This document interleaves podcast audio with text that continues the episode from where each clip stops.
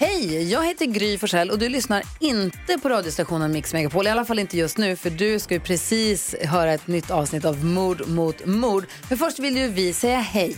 Hej, hej, det här är NyhetsJonas. Det här är Carolina Widerström. Och här är Gullige Dansken. Ja, och så Gry då. Och det vi vill säga att när du har lyssnat klart på den här podden, då får du gärna lyssna på våran. Vi spelar in ett nytt avsnitt varje morgon av våra podd Kvartsamtal. Och hela radioprogrammet blir ju också en podd om man är väldigt morgontrött eller så. Just det, om man missar morgonen ja. Men mest av allt så får du gärna lyssna på programmet i direktsändning varje morgon på Mix Megapol. Live varje morgon från klockan sex och då har vi med oss massor med vänner också. Thomas Bodström, Babben Larsson, Johan Pettersson, Christian Luuk. Massor med coola människor som bara dyker upp och gör livet bättre. Ja, som jag, Gullige Dansken. Exakt så. Och så mycket bra musik och annat skoj såklart. Så vi hörs när du vaknar på Mix Megapol. Podplay.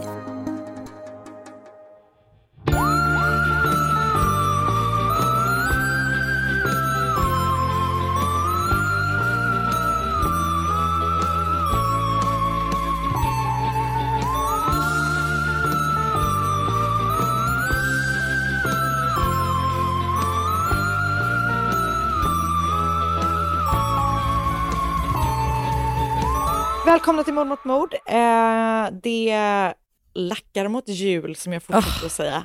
Men nu gör jag det på riktigt. Nu gör jag det på riktigt. Eh, vi har precis, idag är tredje advent och Lucia. Ja.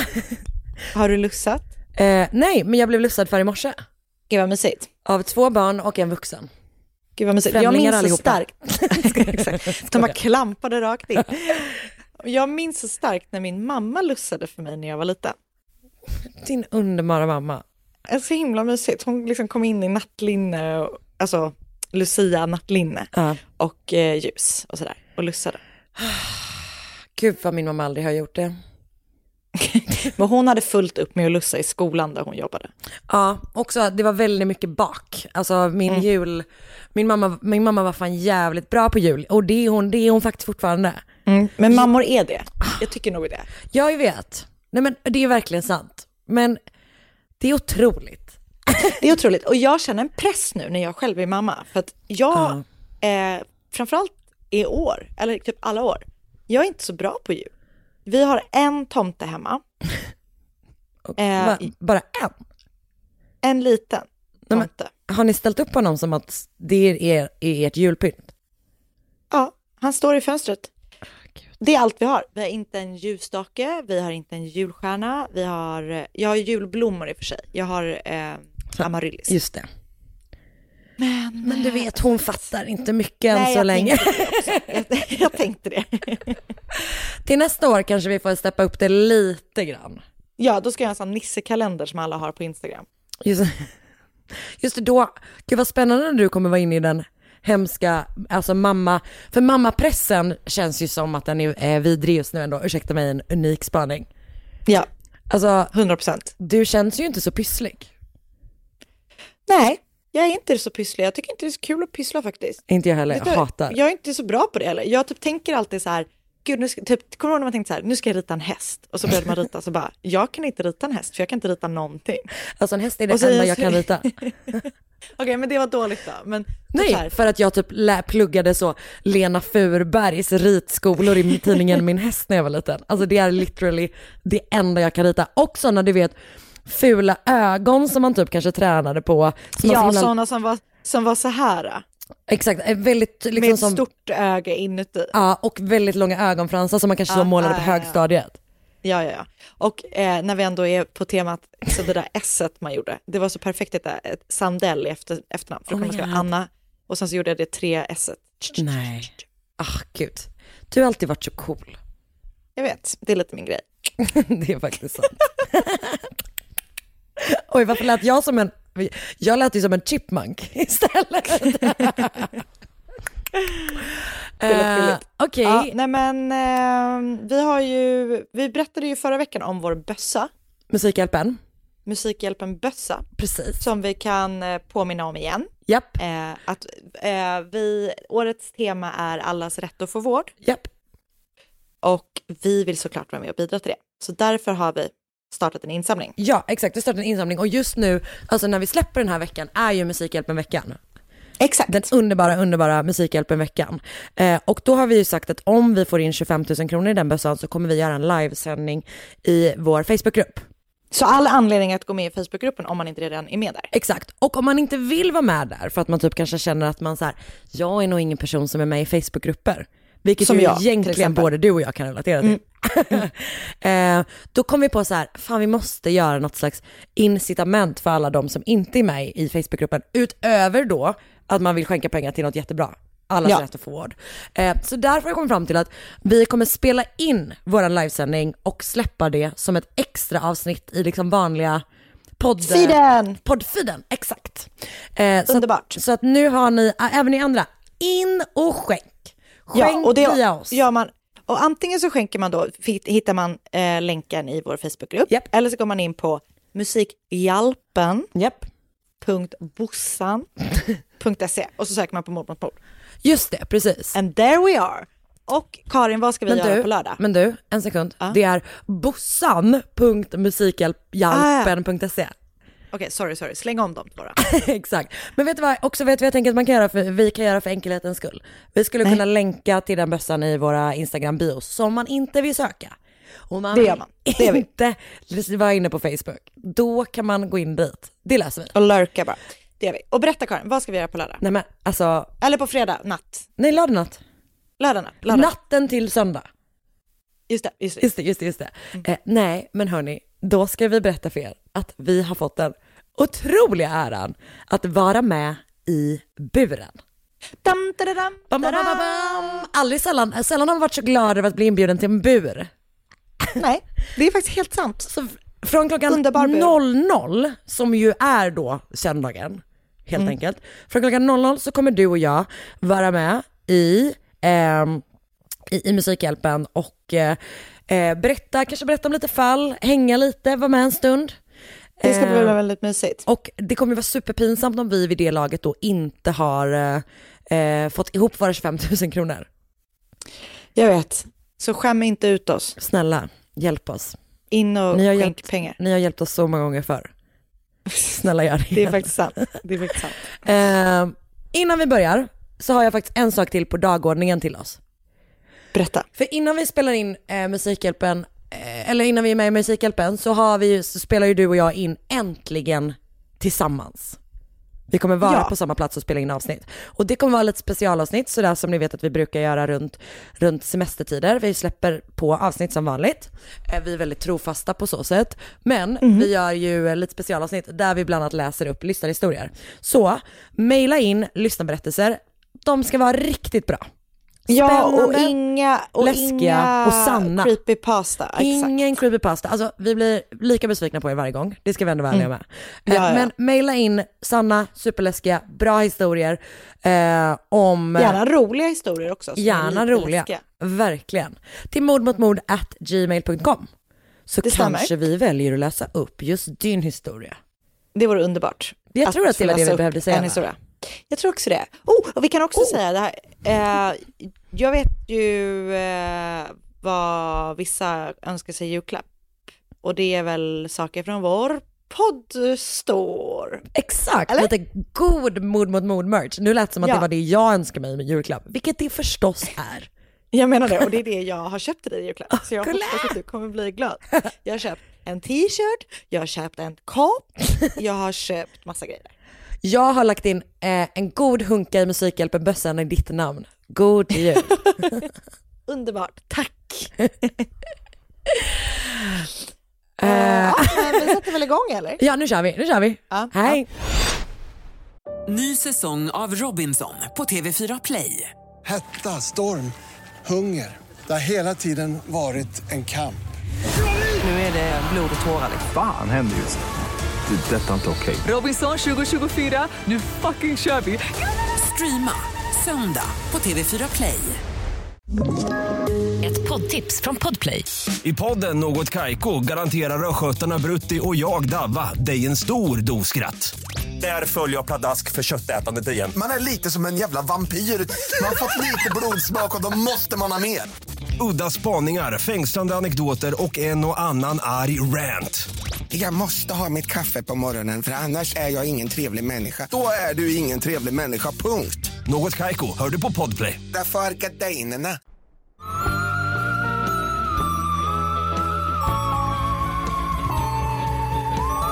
Idag Anna, så ska vi till Sydkorea. Ehm, visste du att i Sydkorea föds man som ett år gammal? Nej, det visste jag Så faktiskt jag inte. är då till exempel 33 år i Sydkorea.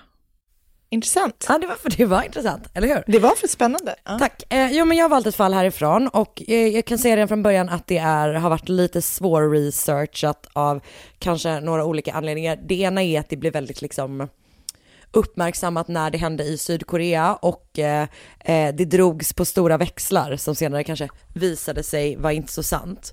Eh, Ah. En annan aspekt av det är att det mycket är typ översatt till engelsk, engelska, vilket har gjort lite så lost in translation grejer. Jag tror också att det finns en eh, vilja från eh, västvärlden ibland att liksom exotifiera och typ extra dramatisera fall eh, som inte är från västvärlden. Jag tror att vi ser eh, aspekter av alla de här tre sakerna i det här fallet. Jag har verkligen försökt hålla mig på en bra nivå. Okej? Ja. Eh, I slutet av 60-talet föds en person som heter Kim Gi-wan och som växer upp i en väldigt fattig familj. Han är jättesmart, alltså du vet klassiskt bäst i klassen, bäst betyg. Eh, han liksom, eh, ja men han, det går jättebra för honom. Men när hans pappa dör när han är väldigt liten så börjar han typ skolka för att vara med och försörja familjen. Okej. Djupt sorgligt förstås. Eh, och han, så han börjar liksom redan jobba när han är barn för att det är typ det som krävs för att det ska gå ihop liksom. Och det blir då värre när hans mamma får en stroke och hans bror eh, också blir sjuk liksom. Så att jag, det verkar som att han blir typ, alltså han får liksom typ step up och börja försörja sin familj på riktigt. Så som 12-åring får han hoppa av skolan. Och han flyttar då till Busan och där börjar han jobba på en fabrik och sen så fortsätter han till Seoul där han bland annat jobbar som byggarbetare. Alltså det här är verkligen barnarbete för att typ få ett super, super fattigt familjeliv att gå ihop. Ja, det är så hemskt. Ja, det är verkligen fruktansvärt. Ehm, och det som är, ja men han kommer liksom jobba kvar då på lite olika byggen ett tag och när han blir lite äldre så kommer han i kontakt med typ så här illegala pokerspel och annat typ gambling liksom. Och utvecklar då ett spelberoende. Okej. Han är helt enkelt jättefattig, jobbar på, har ett jävla spelberoende, allt är sämst verkligen. Och eh, nu har vi liksom spolat fram till 1993 och då briserar typ en skandal i Sydkorea eh, som rör typ korruption bland eh, intog, eh, intagningsprov till universitet. Jag tänker att det är lite grann som det som hände i USA typ förra året. Med. Felicity Huffman. Exakt, precis. Alltså jag, vet, jag tror inte att det är exakt så, Nej. men jag tror att det, hand, alltså det handlar helt enkelt om att rika människor köper in sina barn på fina Ah. Mm. universitet. Och jag tänker att det kanske blir extra tungt eller liksom frustrerande för honom som då är en person som verkligen har läshuvud men som inte typ har tillåtits gå den vägen liksom. Nej, nej. Usch. Ja. Ehm, så att Kim Guan ser då hur, den här liksom, hur överklassen typ köper sig själva fördelar. Eh, och nu sitter han liksom så här mid 20, år- 20 år och är liksom, ja men bitter typ. Det kan man ändå förstå. Det som kommer ur det är lite svårare att förstå. I april 1993 så träffar Kim Gi-wan vad som kommer ligga grunden för den så kallade Cheon-familjen, eller Jijeonpa, eh, som den kommer kallas av koreanska poliser och åklagare senare. De möts under ett illegalt pokerspel. Okej. Och de bildar då snart en liten grupp som alla har samma mål. De vill döda rika människor. Eh, s- Jag kan säga redan nu att eh, det här målet, eh, det kommer vara luddigt. Det känns ganska Okej. mycket, ganska lång tid som att de vill döda, punkt. Liksom. Okej. Men mer om det strax. Den här gruppen kommer då bestå av totalt åtta personer initialt. Det är då Kim Gi-wan, eh, han är äldst, han är liksom så här den karismatiska, smarta ledaren. Han är typ 26-27 när de träffas. Med i gänget är också Kang Dong-Un som är 2021. Han är tidigare dömd för grov stöld och hans bakgrund är lite oklar men det verkar som att han har kommit från typ ett medelklasshem, du vet haft en trygg uppväxt och sådär men liksom varit en så här klassisk bråkstake. Alltså han har alltid hamnat i bråk från liksom tidig skolålder typ. Man vet typen. Man vet, exakt. Och sen har vi, har vi då Kim eh, Yun Yang som är 21-22. Han verkar ha begått lite sådär småbrott och eh, verkar, ska också typ vara väldigt arg på sin mamma för att hon gifte om sig efter att, hennes, eh, eh, att, efter att hans pappa dog. Okej. Så han har någon slags eh, inneboende kvinnohat, som så många Mhm. andra. Ehm, och sen så har vi Moon Sang Rock som är 22-23. Han har tre domar med sig in i det här gänget och jobbar som bartender. Sen har vi Baek Byung eh, Ok. Han är 19-20 någonting och eh, han har begått två grova rån innan han liksom har träffat på resten av det här gänget. Kang Mon Sub är lika gammal och verkar inte vara straffad sedan tidigare. Jag läste någonstans att han gick med i gänget för att han ville vara, eh, alltså han ville liksom begå rån för att tjäna ihop pengar till en operation för att han liksom typ stora ärr i sitt ansikte. Vad då för är? Jag vet inte. Och det här kan också verkligen vara en sån sak som typ inte är, som är typ kom av ett rykte. Men på bilderna... Kunde han inte bara ha spelat jättemycket poker och Men- vunnit där? Ja, men jag vet inte hur bra det gick. Han tänkte, eh, ah, här har vi en möjlighet till en annan. En snabba cash. Exakt, lite så. Eh, det som sagt, det kan verkligen också vara bullshit. Men jag, jag har i alla fall läst det på ett ställe. Eh, Song Bong Un är yngst i gänget, bara 18 år, men alla tror att han är 23 för han har tagit sin brorsas lägg. Och han verkar inte ha några domar sedan tidigare och har typ hand om så här gängets pengar, om jag har förstått det rätt. Eh, och med i det här gänget är då också Lee eh, Kyung Suk som är den enda kvinnan. Hon är typ 22-23 år gammal, jobbar som servitris på något typ kaffeställe och hon Mhm. är då Kang Dong-Uns flickvän. Okej. Så hon är liksom med, men är typ är med för att hon är ihop med den här killen. Alltså hon verkar Ja. inte vara så intresserad av det här, med, du vet syftet att döda rika då. Nej. Eh, utan mer ligga med den här killen. De är då typ tio stycken? Eller De är åtta i det här läget. Åtta, åtta, åtta. Mm. Eh, så de träffas, träffas då och bestämmer sig för att skapa den här eh, gruppen. Och en del av, alltså som sagt, de vill då mörda rika, men de vill också bli rika själva. Mm. De har en plan om att de ska spara ihop jättemycket pengar, alltså typ så 10 miljoner kronor. Mhm. Och jag vet inte riktigt var det här kommer ifrån, men det verkar vara en del av deras plan. De håller på kan man säga. Så de jobbar på olika byggarbetsplatser i liksom eh, ständigt så expanderande koreanska städer, framför allt i Seoul och Daejeon, eh, som är Sydkoreas femte största stad. Och de börjar då spara ihop pengar tillsammans och investerar i lite olika saker som bilar, walkie-talkies, vapen och dynamit. Sådana bra saker man behöver. Kunde de inte göra liksom bra investeringar med pengarna de tjänade? Varför hade menar du att walkie-talkies tjäna- inte är bra? Alltså jag tänker att de snabbt blir utdaterade. Ja men vet du vad, kommunikation är allt. det hade varit så mycket bättre om de hade haft sådana burktelefoner, då hade de kunnat lägga pengarna på annat. Verkligen att de bara, ut med en lång, lång lina. Gud, dröm när man var liten. Jag hade en burktelefon till min kompis eh, Emma Blomqvist som bodde under mig. Just det, jag har aldrig haft det. Så att, eh, tack för att rubbing it in. Men tror du man kan ha en eh, burktelefon mellan Årsta och Kungsholmen? Det tror jag. Vi testar. Ja, vi Ja. Okej. Familjen tränar då också inför sina liksom kommande dåd och det gör de bland annat genom att bestiga Jirisan som är Sydkoreas näst högsta berg. Okej. De valde ändå, de att det var, De visste sina begränsningar på något vis. vi behöver inte överdriva. De har också skrivit ner sina liksom budord för den här gruppen. Det blir tre stycken. Är du beredd? Ja. Ett, Vi hatar de rika. Två, Förrädare måste dödas. Och tre, Lita inte på någon kvinna, inte ens din mamma. alltså det är så intressant att det liksom alltid slinker med en sån där kvinnohatsklausul.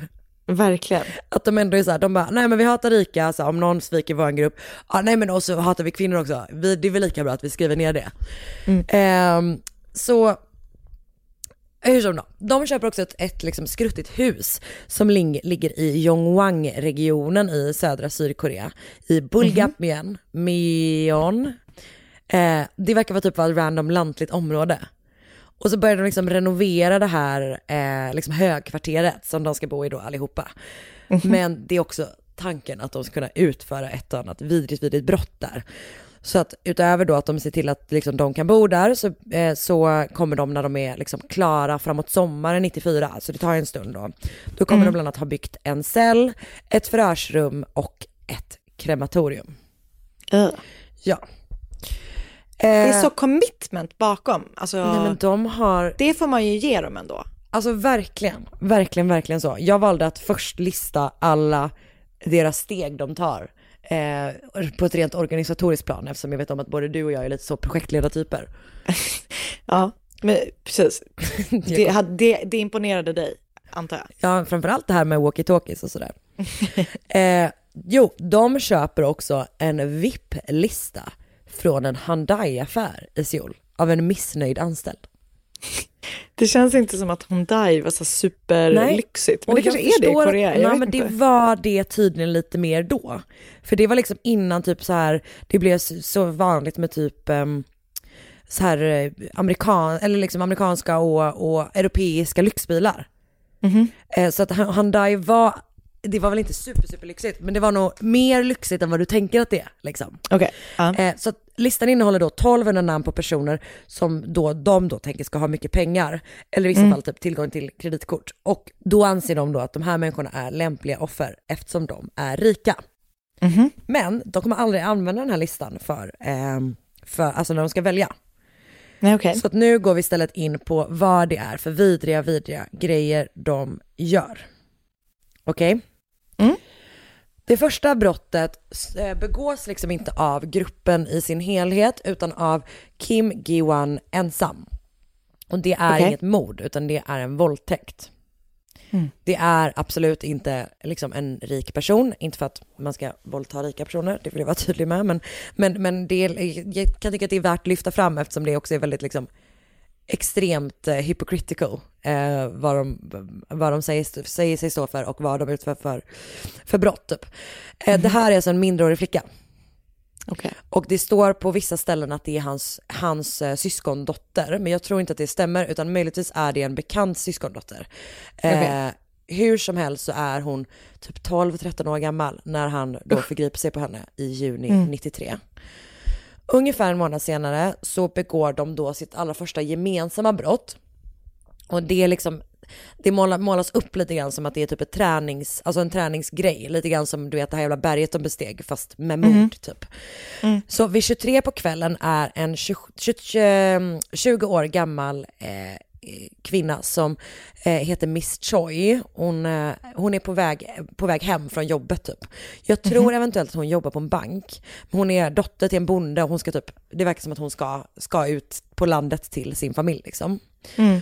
Och hon kidnappas då av det här gänget vid Dogge-stationen. Ehm, de är väldigt utspridda runt om i Sydkorea, de här brotten. Om liksom alla, ehm, om jag hittat alla rätt locations. Så det, är- de är Mm. förvånansvärt liksom ospecifika, ja, geografiskt typ. Att det, de är runt som fan liksom. Mhm. Så att de kidnappar då henne och sen så begår de liksom grova övergrepp på henne tillsammans och tar med henne till ett berg där Kim Johan typ lär de andra hur man liksom stryper någon genom att typ visa på henne. Och hennes kropp hittas då typ av en, eh, av en bybo som är ute och så här klipper ner ogräs. Och det här mordet kommer inte klaras upp förrän gänget erkänner det eh, först ett år senare.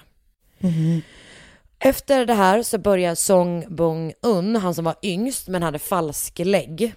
Just det. Han börjar må riktigt, riktigt dåligt av det här liksom. Mm. Han vaknar på nätterna och du vet så här, skriker och, och säger att han liksom sett hennes spöke och han, han får panik helt enkelt. Han bestämmer sig då för att dra och lämna den här gruppen, eh, men han försöker också ta med sig en rätt stor summa pengar när han typ drar. Och han upptäcks och den här eh, resten av gänget bestämmer sig då för att hämnas. Så de tar med sig honom till ett berg där de hjälps åt att mörda honom och gräver ner hans kropp. Och han kommer hittas först när de själva leder polisen till gravplatsen liksom. Okej. Efter det här mordet så händer något som man typ tänker skulle kunna få stopp för, eh, för eh, Chichon-familjen. För Kim Gi-wan grips då för den här våldtäkten på den här flickan. Och han döms och han hamnar i fängelse. Och han har ju verkligen varit så här den liksom karismatiska ledaren. Så det hade ändå varit liksom ganska förståeligt om, i och med att hans makt typ försvann, eh, så hade gruppen typ ändrat, åtminstone ändrat riktning liksom. Eh, men jag, eh, men det, det verkar liksom inte som, eller det blir inte så. Jag tror att Kang Dong, eh, Dong-Un blir någon slags tillförordnad, eller så, eh, ledare typ. Men det är ändå Kim Gi-wan som typ leder från fängelset. Så att de är liksom som att de typ rapporterar till honom lite grann om vad de gör. Ja, okej. Så han lyckas liksom behålla den här makten över dem ändå fastän han inte är med dem liksom. Ah, okej. Fan vad störigt. Eh, Men jag tänker typ att det här kan nog ändå, alltså att han åker in kan nog vara med och påverka att det faktiskt tar ganska lång tid innan de mördar igen. Mm. För de kommer inte mörda igen förrän i september 1994. Eh, Så det, har ju, det är ju ett år senare liksom. Mm. Närmare bestämt den 8 september. För då befinner de sig strax utanför Seoul.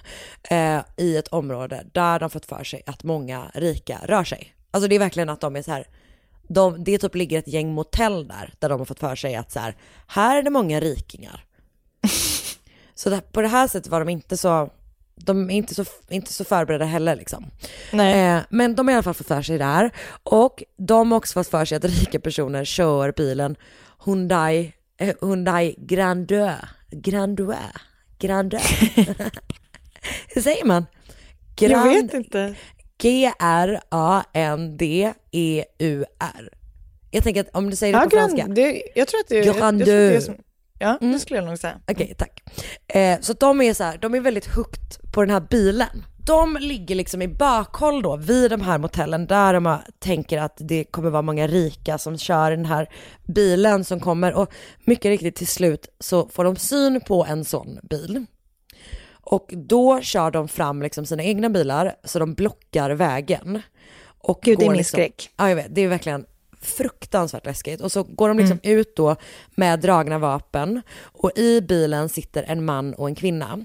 Vad de här heter är liksom lite, lite osäkert för ibland så beskrivs det som att de heter, alltså att de båda heter Li, vilket ju väl är ett efternamn liksom.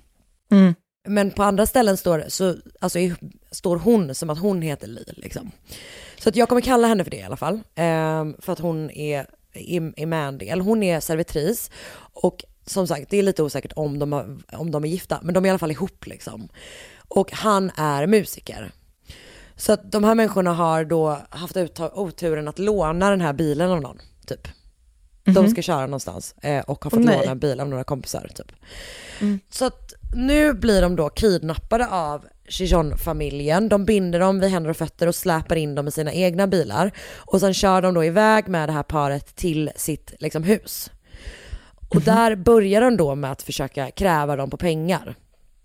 Mm. Gud vad Eh, läskigt. Och du vet det är ganska hög lösensumma liksom som de försöker få den här mannen att då lämna över. Men han är så här, han bara jag har inga pengar, så här, jag är musiker liksom. Jag, det, finns- jag inga, inte i närheten av de summor som ni vill ha liksom. Och när de inser att, eh, att de inte kommer få några pengar så säger de, eh, de bara okej, ja men då kommer vi mörda dig smärtfritt. Men, Och sen Okej. tvingar honom honom att dricka massor av likör och sen sätter de en plastpåse över hans huvud. Och de tvingar då också Li, som eh, de också begått grova övergrepp på, att liksom delta i det här mordet. Och- gud vad hemskt. Ja, jag vet, det är verkligen fruktansvärt, fruktansvärt läskigt. Och hon är då kvar med det här gänget för att en av dem, Kim Jung-Yang, har då ö, eh, liksom övertalat det här eh, resten av gänget att låta henne leva. Så nu har de liksom då, som de ser det, sett till att eh, hon är delaktig i mordet. Alltså, Så nu kommer hon liksom, nu har hon en period när hon helt enkelt är, alltså är kidnappad då och lever liksom med den här familjen typ. usch vad läskigt. De hämtar eh, hans bil, musikerns bil, och de sätter hans kropp i framsätet. och puttar den från en klippa. Och det då i kombination med alltså, nivåerna alkohol som finns i hans blod, eh, det får det liksom att framstå som att det har skett en olycka, att han bara har kört Mm. rätt rattfull, rattfull liksom. Usch vad läskigt. Bara en vecka senare så är de liksom på jakt igen. Mhm. Och då ser de återigen en sån här jävla bil vid en kyrkogård i Seoul. Och eh, de ser ett par som de misstänker kör den. Så de går fram till det här paret och så här lite oty- otydligt vad de heter. Antingen så heter han So och hon Park eller så heter de Park i efternamn båda två för de är gifta. Eh, Hur som helst så är de då på den här kyrkogården för att ta hand om så här deras familjegrav inför typ en högtid. Så att de är där och så här tänder ljus och, och gör fint liksom. Och eh, någon från Cheon-familjen är så här, är det där eran bil typ? Den har punktering så ni kanske borde kolla upp det liksom. Och paret, det, det här paret bara, oj, ja ah, shit typ, följer efter och, eh, och liksom ska, ska se vad som har hänt. Eh, men när de då är tillbaka på den här parkeringsplatsen så blir de kidnappade och tas också till det här huset. Okej. Och där krävs de på en lösensumma. Och så, eh, den här mannen som då driver flera företag, han bara, jag kan lösa de pengarna liksom.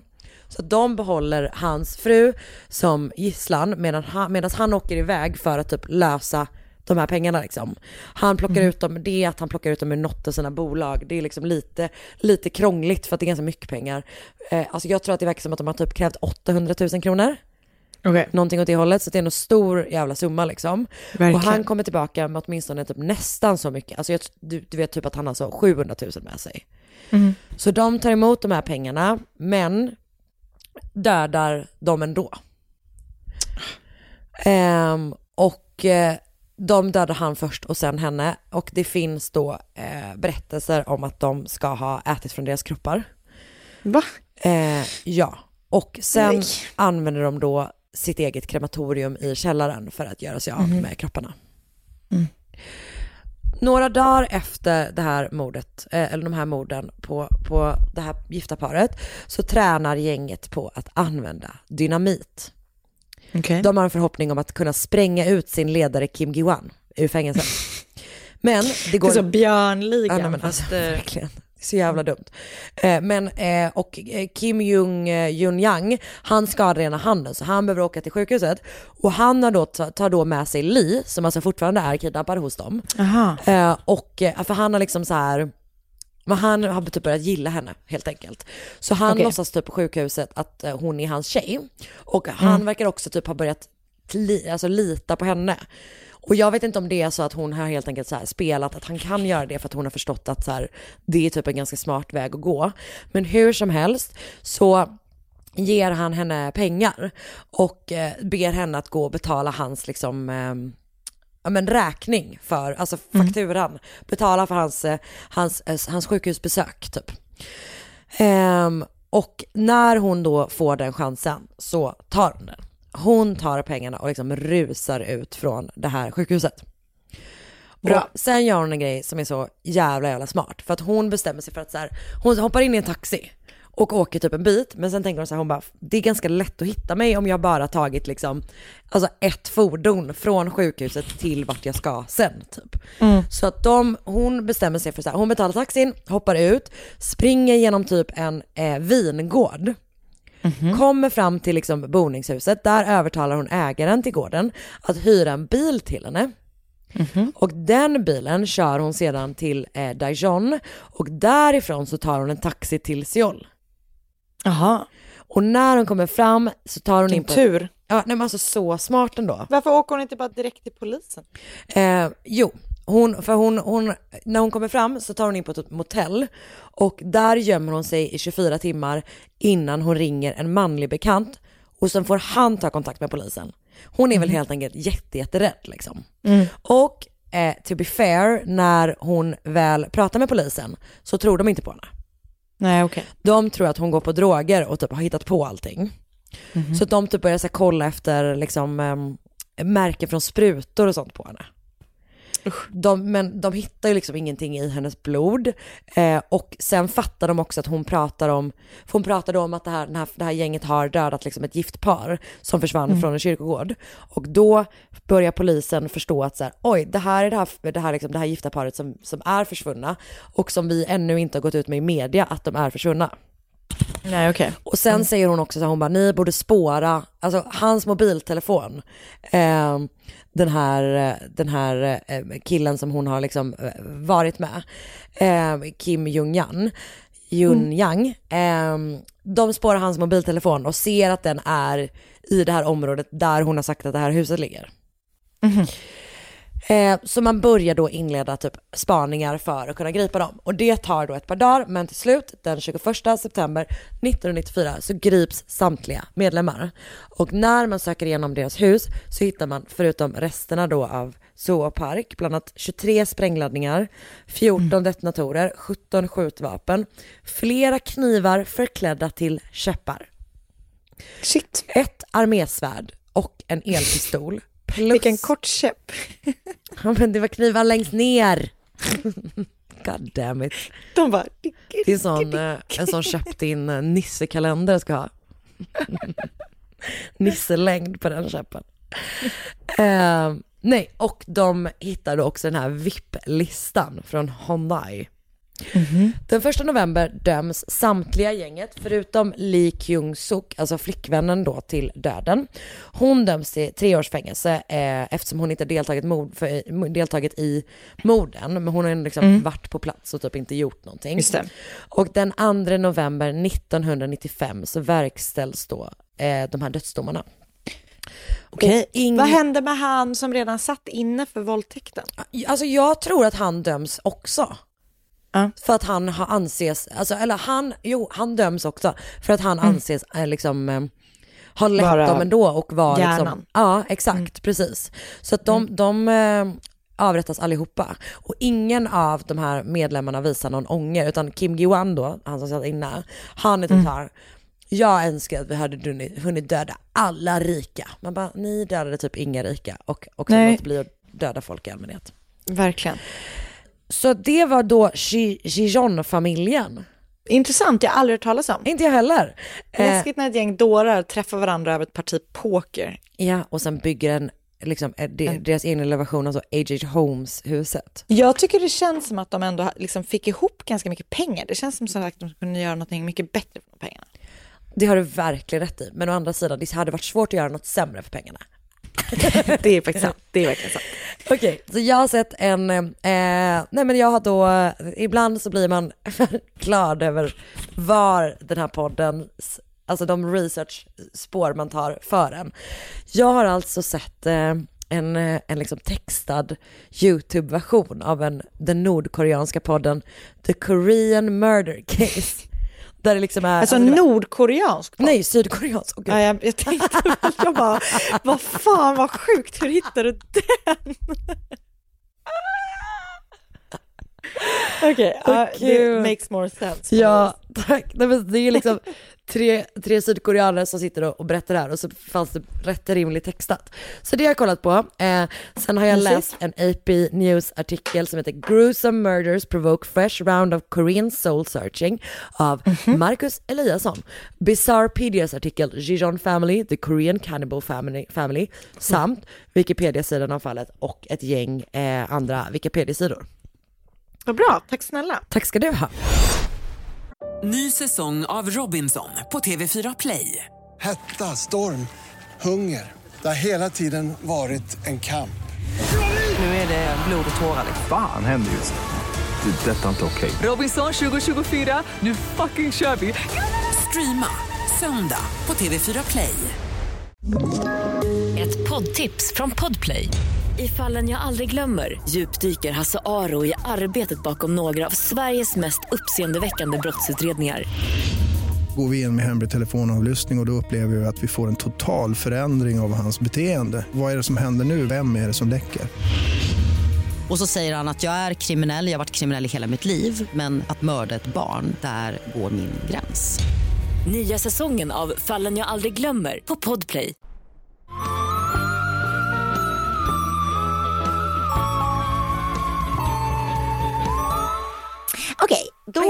Ska jag berätta den här veckan om ett kallt fall som löstes många, många, många år efter att det efter, efter skett eh, på ett ganska otroligt sätt. Wow. 1982 träffas Angela Samota och Sheila Wysocki, på, som båda två är 18 år gamla, när de ska börja på South Methodist University i Dallas i Texas. Wow, starka scener. Verkligen. De blir, eh, får höra då att de ska dela rum i den här korridoren där de ska flytta in. Angela, som också kommer att kallas för Angie, läser, eller ska läsa Electrical Engineering och Computer Science och hon är sjukt smart. Utöver det är hon rolig och snygg och så här, riktigt utåtriktad och en väldigt omtyckt person. Eh, Sheila beskrev sig själv som en mer inbunden eh, person som inte var lika liksom, academically excelled som Angie.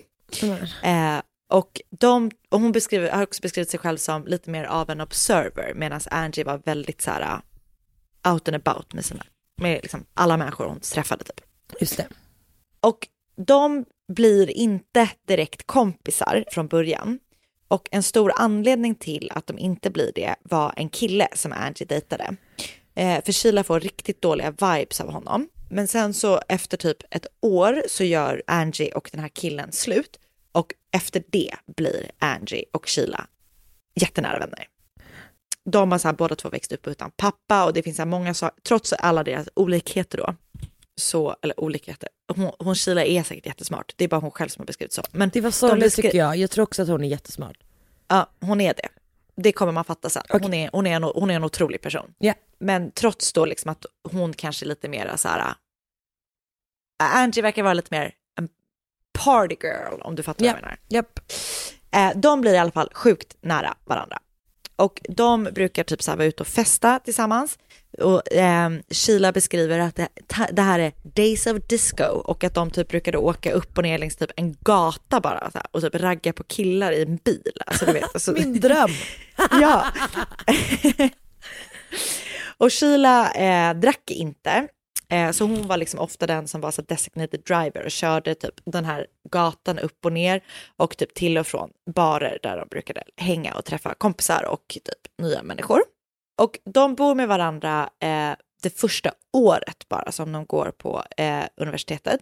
För sen så träffar Angie en ny pojkvän som heter Ben McCall. Och han är typ lite äldre. Han är typ, de är, hon är då, She- äh, Angie och Sheila är typ runt 20 och den här Ben då som blir Angies nya pojkvän är typ 27-28 och han jobbar typ inom construction och eh, han har en egen lägenhet. Men Angie vill eh, träffa, eller ska, hon vill liksom kunna träffa honom när hon vill och typ bo ensam och sådär. Så hon skaffar sig eh, en liten lägenhet off campus istället. Så den 12 oktober 1984, eh, då är eh, Angie alltså 20 år. Eh, då vill hon gå ut, men varken Ben, hennes pojkvän eller Sheila vill följa med ut. Men däremot så vill hennes kompisar Russell Buchanan och Anita Kadala följa med ut. Så de tre sätter sig i Angies bil och så kör de först till en bar som heter Lakewood Broadwalk, Broadwalk Beach Club. Och där dricker de typ lite drinkar och sen så fortsätter de till en restaurang som har en klubb en trappa upp som heter Rio Room. Och Angie var tydligen kompis med han som typ, eh, alltså pointern som stod i dörren. Så hon var typ såhär, så här, för det var en members only klubb egentligen. Men eh, de typ är så, hon är så här, och så är han typ bara, yeah, come on in. Och så de, Ah. så, drömmen. Så som man ville vara på alla klubbar när man var 18, som in, jag absolut inte var på någon, utan man bara tittade avundsjukt när de bara, alla dansade förbi kön. Du känner ju mig. Som jag jag. dansade. Ja. Ehm, Okej, så de är på Reroom och Angie som var så här minglig, hon minglade typ runt bland olika bord och du vet hon verkar känna så här mycket människor och hon typ är så här där, där, där, pratar och har så här kul. Och sen runt midnatt så lämnar de tre Reroom tillsammans och det är Angie som kör den här kvällen. Så de sätter sig i hennes bil och först droppar hon av Russell hemma hos sig och sen droppar hon av Anita eh, hemma hos sig och innan, hennes, innan slutdestinationen då, som är hennes egna lägenhet, så stannar hon till hos sin kille Ben som bor typ 20 minuter bort från hennes hem och bara så här stoppar in huvudet och är typ så här hej, typ säger godnatt innan hon eh, åker hem till sin lägenhet. Mm. För han ska då upp och jobba tidigt dagen efter, så det är väl därför han inte följde med ut och det är väl därför hon liksom inte stannar där över natten. Eh, och när hon kommer hem så börjar då det gå snett. Eh, för någon timme efter att hon har varit hos Ben så ringer det på hans telefon. Och han då har ju inte varit med ute utan han ligger och sover, klockan är typ kvart i två på natten. Eh, så han svarar helt sömndrucken och på andra sidan linjen så är det då Angie. Och hon liksom typ pratar så här ganska osammanhängande och pratar typ lite i så här koder eller vet, det är något konstigt. Hon börjar med att säga så här, det första hon säger är talk to me. Och sen så typ är det så här, du vet, han bara, vad är det? Typ, Han typ händer? inte liksom. Nej. Nej. Ehm, och till slut så hör han en mansröst i bakgrunden. Så han då förstår att någon är hemma hos Angie. Så han förstår att det är en man som har knackat på dörren snart efter att hon har kommit hem. Och när hon har öppnat så har den här mannen där utanför sagt så här, jag skulle behöva hjälp, kan jag få låna din toalett och din telefon? Åh nej, inte släpp in honom. Nej. Och hon har då, precis som du förstår, släppt in honom för att, liksom, ja, du vet, hon har väl typ så här känt att det känns lugnt först, men sen du vet har viben helt ändrats när han har kommit in och då har hon känt typ att hon behöver ringa till Ben, sin pojkvän. För jag tänkte på det så himla mycket, du vet hur man känner sig trygg när man pratar i telefon med någon. Ja. Och jag minns typ sen när jag gick hem när man hade kontantkort på sin mobiltelefon, att jag brukade alltså gå och låtsas prata i telefon med någon. Och att det kändes som att så här, nu är det ingen som Det var verkligen kommer som göra någonting med mig. Ja. Det är så obehagligt hur telefonen är en sån jävla falsk trygghet. Men jag tänker också typ det här att, att jag tror att om någon hade typ knackat på hemma hos mig och varit så här, alltså på natten, självklart hade jag inte velat släppa in dem. Men, Men man tror- kan typ inte säga nej. Nej, vilket man ju verkligen, verkligen kan. Alltså så här, man, men Mm. jag hade haft jättesvårt, jag tror att jag hade varit tvungen att vara typ så här, hitta på en ursäkt. Nej du vet, eh, våran toalett är ju trasig, det är ju bara ett hål i golvet där inne. Alltså du vet, Typ, han bara, han bara, det gör ingenting, jag är van att gå på sådana toaletter också. man bara, ja då vet jag inte om du ska Eh. komma in. Nej men alltså Nej, det, det är det, blir jävla- den grejen liksom, vilket Ja. ju, ja usch. Jätteläskigt. Eh, och så mitt i samtalet så säger Angie att hon ska ringa tillbaka snart, så lägger de på luren. Men hon ringer ju då inte tillbaka och när Ben ringer upp så är det inget svar. Så han kastas in i bilen för att eh, köra bort till henne. Mm. Och 1984 så har ju då gemene man inte en mobiltelefon. Men Ben har det genom sitt jobb. Så han sitter i, i bilen och bara ringer och ringer och ringer men det är ingen som svarar. Så när han kommer fram till Angies liksom, äh, lägenhetskomplex typ, så står hennes bil på parkeringen och dörren är låst eh, och det är då ingen som öppnar när han knackar på. Så han eh, ringer till polisen eh, som kommer dit och då tar sig in. Och en av poliserna som var med i den utryckningen har berättat att hon hade sån riktigt dålig känsla redan när de parkerade bilen. Du vet att, att hon hade typ känt i hela sin kropp att så här, det här är inte bra. Eh, och de hittar då Angie död på hennes säng. Och det är en väldigt våldsam scen som de möts av. Eh, och när hon tas vidare till obduktionen så visar, eh, till obduktion så visar den att hon har blivit mördad med en kniv och hon har huggit sig över kroppen med eh, den här kniven då 18 gånger. Och det visar också att hon har blivit, ja nej det, var, det är sån riktigt våldsam, eh, jätte, jätteläskigt. Eh, och det visar också då att hon har blivit våldtagen precis innan hon dog. Eh, på brottsplatsen finns det både sperma och blod från förövaren och nu ska jag uttrycka mig lite bättre än vad jag gjorde förra veckan. För att 1984 så fanns såklart DNA, men DNA-tekniken var inte så utvecklad. men det man kunde, alltså man, man kan liksom inte matcha DNA mot, för det Nej. finns inget register. Ehm, eh, eller man vet inte hur man gör. Ehm, och, men det man kan göra är då att bestämma gärningsmannens blodtyp. Just det. Så de samlar ihop det som ska testas och så testar man det och provet visar att gärningsmannen har en viss blodtyp och att han är en sån här så kallad non-secretor. Just det. Och det är ju då eh, när alltså, blodtypen inte finns i andra kroppsvätskor än blodet. Om jag har förstått det hela rätt. Just det. Ja. Det låter, vet du vad? Det lät väldigt sant. Ja men vi kör på det. Japp. Vi, kör, vi kör på att det är så det är. Jag litar på dig. Tack. Eh, gör inte det, aldrig. Eh, Alltid. Okej, okej, okej. Vare sig du vill eller inte. Okej, så att eh, de har då ändå blodprov från platsen. Och direkt är det då fyra personer som blir misstänkta. Det är Ben McCall som är Angies pojkvän. Eh, det är Russell Buchanan som har varit med Angie tidigare på kvällen. Det är Angies pojkvän från första året som du Just vet, den det, som killen hon inte gillade, ja. om. Ja, som också har varit våldsam, du vet. Kanske inte slagit henne, men han har du vet gjort så här, ah, han har typ skurit sönder hennes kläder någon gång, du vet sådana saker.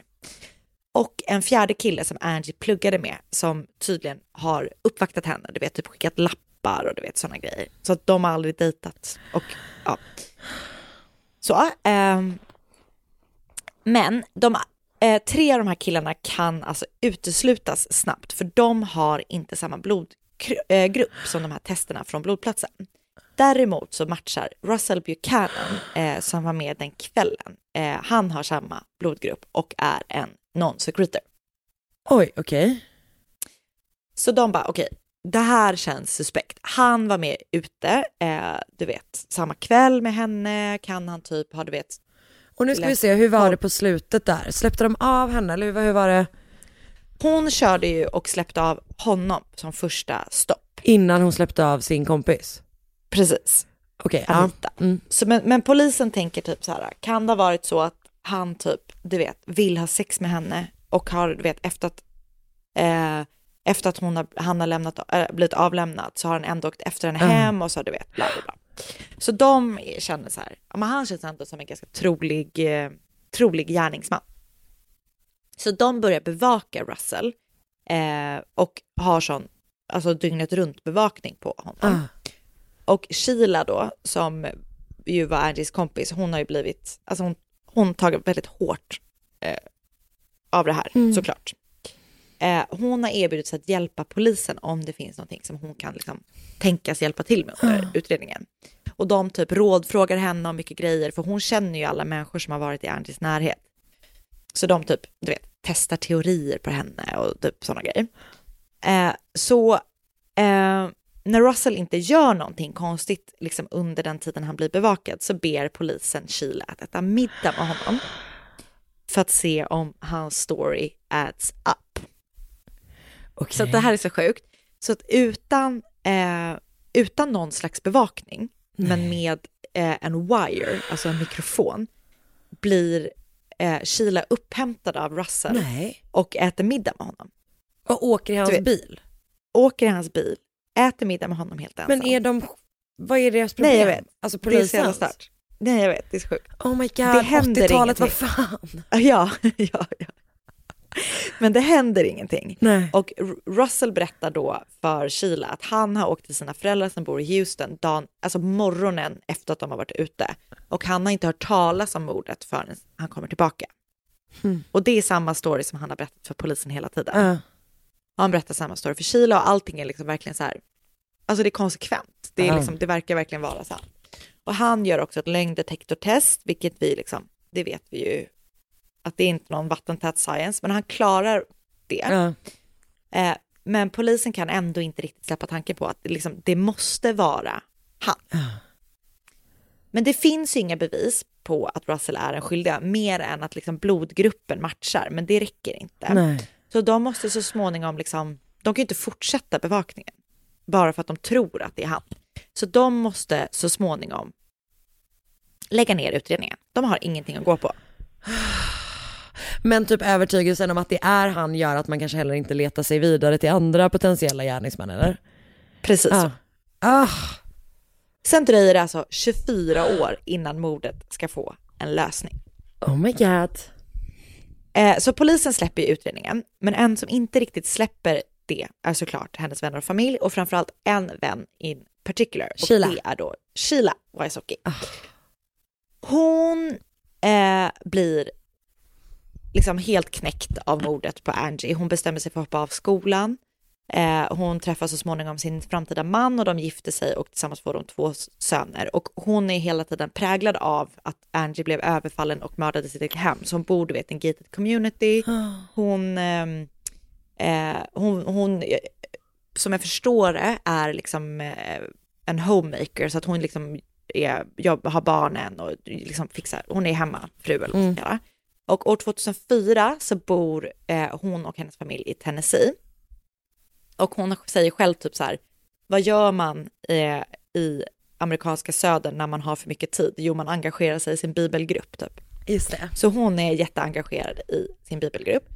Och eh, hon har berättat då eh, om en kväll när hon ska läsa sin läxa till nästa tillfälle som gruppen ska ses. Och då sitter hon och läser något stycke i Bibeln när hon plötsligt alltså, ser Angie.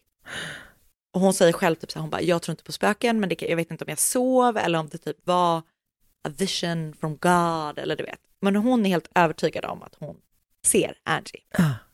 Och Angie eh, säger åt henne, eller Sheila tar det här som ett tecken, att så här, jag måste göra någonting. Det är dags att ta upp det här fallet igen. Jag måste ta reda på vad som hände. Så Sheila eh, ringer till polisen och ber att få tala med cold case-avdelningen. Det finns ingen cold case-avdelning, så hon blir kopplad vidare till mordavdelningen som då jobbar med både aktiva och i, liksom, vilande fall. Så hon ringer och de bara så här, ah, vi får ta ett meddelande, typ det finns ingen som kan prata med dig. Men hon bara fortsätter då ringa och ringa och ringa. Och det är ingen som typ, tar tag i hennes ärende och följer upp hennes meddelanden och återkommer. Det, det, det är ingen som gör någonting. Så ingenting händer. Och det beror väl antagligen på då att de inte har resurser att liksom lägga på ett gammalt fall, I Ja. guess. Men hon vägrar ge upp. Så hon fortsätter att ringa och ringa och ringa och ringa och ringa och ringa och ringa och ringa och ringa. Och under de här åren, från 2004 till typ 2008, så ringer hon så många gånger som 750 Åh stycken. jävlar. Mm. Och eh, wow. det som är så härligt är att ehm, hon, vid sidan om att bara ringa, så börjar hon också typ göra egna efterforskningar. Hon typ, du vet, undersöker alla våldtäkter som har skett i det närområdet liksom, av universitetet under det här tidsspannet som hon blev mördad. Hon tittar på vem som har gjort det, du vet, hon så här gräver och gräver och gräver. Och sen så händer det här, och det här tycker jag är så starkt, det jobbar en vakt, eh, så, eller liksom en av vakterna som jobbar i det här gated community där hon bor, säger till henne så här, men varför utbildar inte du dig till att bli en private investigator? Han bara, du skulle vara jättebra på det och tydligen så behöver liksom ett företag sponsra en sån utbildning. Så han bara, mitt företag hjälper dig om du vill bli en PI. Wow. Ja, så hon, eh, för hon har då pratat om Angie såklart och du vet, med honom. Hon då, som en vuxen kvinna, utbildar sig till private investigator. Jag älskar det. Ja, och du vet, hon har berättat typ hennes söner som är typ så tonåringar, de så här förhör henne på kvällarna. Alltså, vet, alla är så engagerade i det här. Men det här är en film. Jag vet, det är underbart. Eh, så då, och hon tänker då så här, okej, men om jag är utbildad liksom, detektiv så kanske polisen kommer ta mig på mer allvar typ, när jag ringer. Att jag inte bara är så här en hemmafru som typ, utan liksom, nu har jag någonting mer, ja. Eh, vilket inte borde vara så. Och det är inte heller så, utan de typ skiter i henne ändå. Ja. Till slut Perfekt. så tröttnar de på att hon aldrig ger sig. så de bara, okej, vi tar upp det här fallet. Och då kände jag verkligen, för tjata är ju min melodi. Och så tänkte jag så här, Du fick helt enkelt här, alltså, vatten på din vatten på tjatkvarn. min, jajamän, här är det ingen som ger sig. Men det är ju sällan du tjatar på om något sånt här ändå Anna. Men jag menar bara att det funkar. Det funkar att tjata. Och det kommer bra Mer saker tjat. ur det. Ja. Tjat, tjat, tjat, tjat. Mycket bra. Eh, Okej, så att när fallet tas upp igen så tilldelas det en eh, kvinnlig polis vid namn Linda Crump. Och när hon och Sheila talar med varandra så får Sheila reda på att det finns ju massa fysiska bevis kvar som man kan testa. Sperman finns kvar, blodet finns kvar, skrapet från Andys naglar finns kvar, vet, allting finns kvar och det har varit bra förvarat så man kan testa det. Alltså 24 år senare. Wow. Mm. Okej.